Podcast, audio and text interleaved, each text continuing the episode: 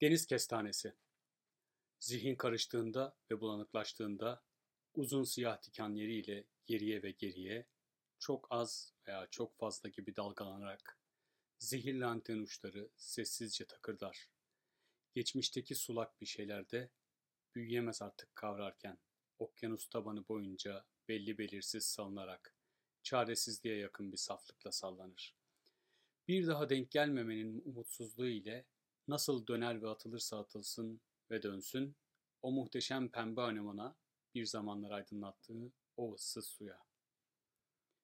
Her şeyi aydınlatan o sessiz şimşeklerini sevdi. Ve anın talepleriyle dikkati dağıldığında, şimdinin çok kolay karışan kumunda, bu kötü gelgitlerde hırpalanmış veya bu basmak alıp büyük balık süzüldüğünde, düzenlice sonunda bulamadan bir zamanlar zihnin sahip olduğunu gizinde ve şansından vazgeçmek üzereyken atacak yarım kalbiyle bu güzel mercanın ilk parçasında ve kendine zarar veren epitrole yerleşir. Ölümcül arzuyla. Ama boş ver. Böyle tasarlanmadı. G. Allen Rosser Sudan geldiğini, su olduğunu çoktan unutmuş olan bizler nedense suda gördüğümüz şeyleri karada gördüğümüz canlılara benzetmekte diretmişiz hep. Deniz atı, deniz börülcesi, deniz tavşanı, deniz sıyarı diye uzayıp gidiyor işte. İşte su altı ile ilk temasımızda, deniz altına yüzeyden ilk bakışımızda gördüğümüz, belki de hiç bilmeden kendisinden korktuğumuz küçük bir canlı deniz kestanesi ve deniz kestanesi de bu canlılardan biri. Dikenlerle koruduğu sert kabuğunun altında, yumuşak dokulardan oluşan tabanında yüzlerce, belki de binlerce küçük vantuzlu ayakları ile bir yerlere tutunan bir hayvancağız. Evet, yanlış okumadınız, hayvancağız. Su altı ile ilgilenmeden önce çoğu insan gibi ben de deniz kestanelerinin bir hayvan değil, bitki türü olduğunu düşünürdüm. Ama deniz kestaneleri de tıpkı mercanlar ve yine bir yanılgı ile deniz şakayığı da denilen tüplü kurtlar gibi bitki değil, bir hayvan. Üstelik çoğu zaman hareketsiz sandığımız bu canlılar cüsselerine göre bayağı hızlı hareket edebilen canlılar. Deniz kestaneleri hem hareketli hem de et ve ot ayırmadan yiyen canlılar. Deniz kestaneleri sakin, yavaş canlılar ancak bayağı oburlar ve bu yok ediciler ağır ağır hareket ederek midye ve benzeri kabuklu hayvanları, ölü balıkları ve algleri mideye indirirler. Yani hem etçil hem de otçuldurlar.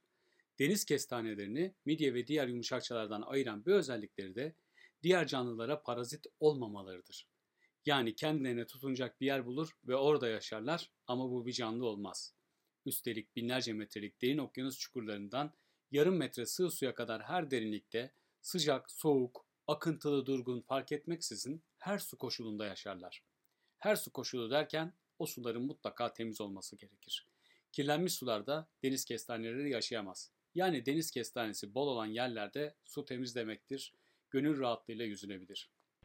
Kendi başına hem sperm hem de yumurta üretebilen deniz kestaneleri bu üretkenlikleri sayesinde çok hızlı çoğalabilir ama bir de avcıları var tabii büyük dişli, kuvvetli avcı balıklar ve deniz aslanları. Dikenler bu balıkları engellemeye yetersiz kaldığında devreye zehir girer ama eninde sonunda balık kazanır. Deniz kestanelerinin ilginç özellikleri arasında anüslerinin tepede, ağızlarının aşağıda yer alması da var.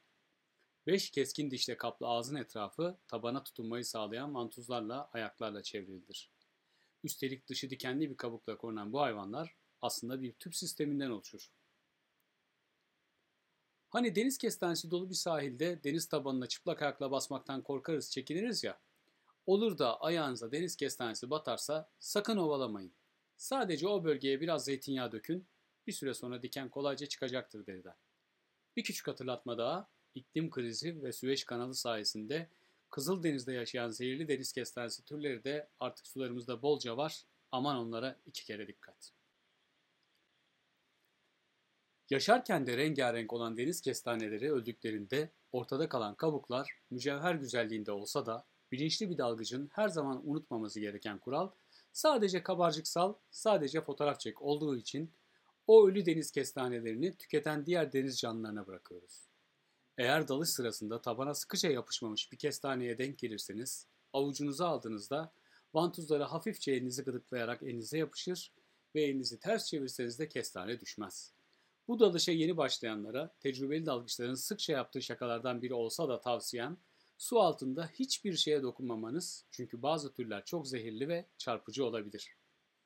Bizim Akdeniz'de binlerce yıl yaşayan deniz kestanelerinde görülmez ama az önce bahsettiğim Kızıldeniz'den gelen uzun dikenli ve zehirli türlerde dikenlerin arasında kırmızı bir gözle görülür ve bu türlerin dikenlerine dokunursanız çarpılırsınız.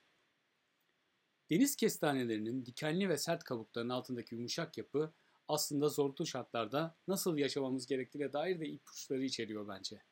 Üstelik bir anlamda deniz kabukları da tıpkı ahtapotlar gibi gizliden gizliye kamuflaj ustası da sayılır. Hani yumuşak kalbini gizlemek için ilk anda ters ve nobran davranan, çok görmüş geçirmiş, binbir derde rağmen hayata tutunan insanlar gibi.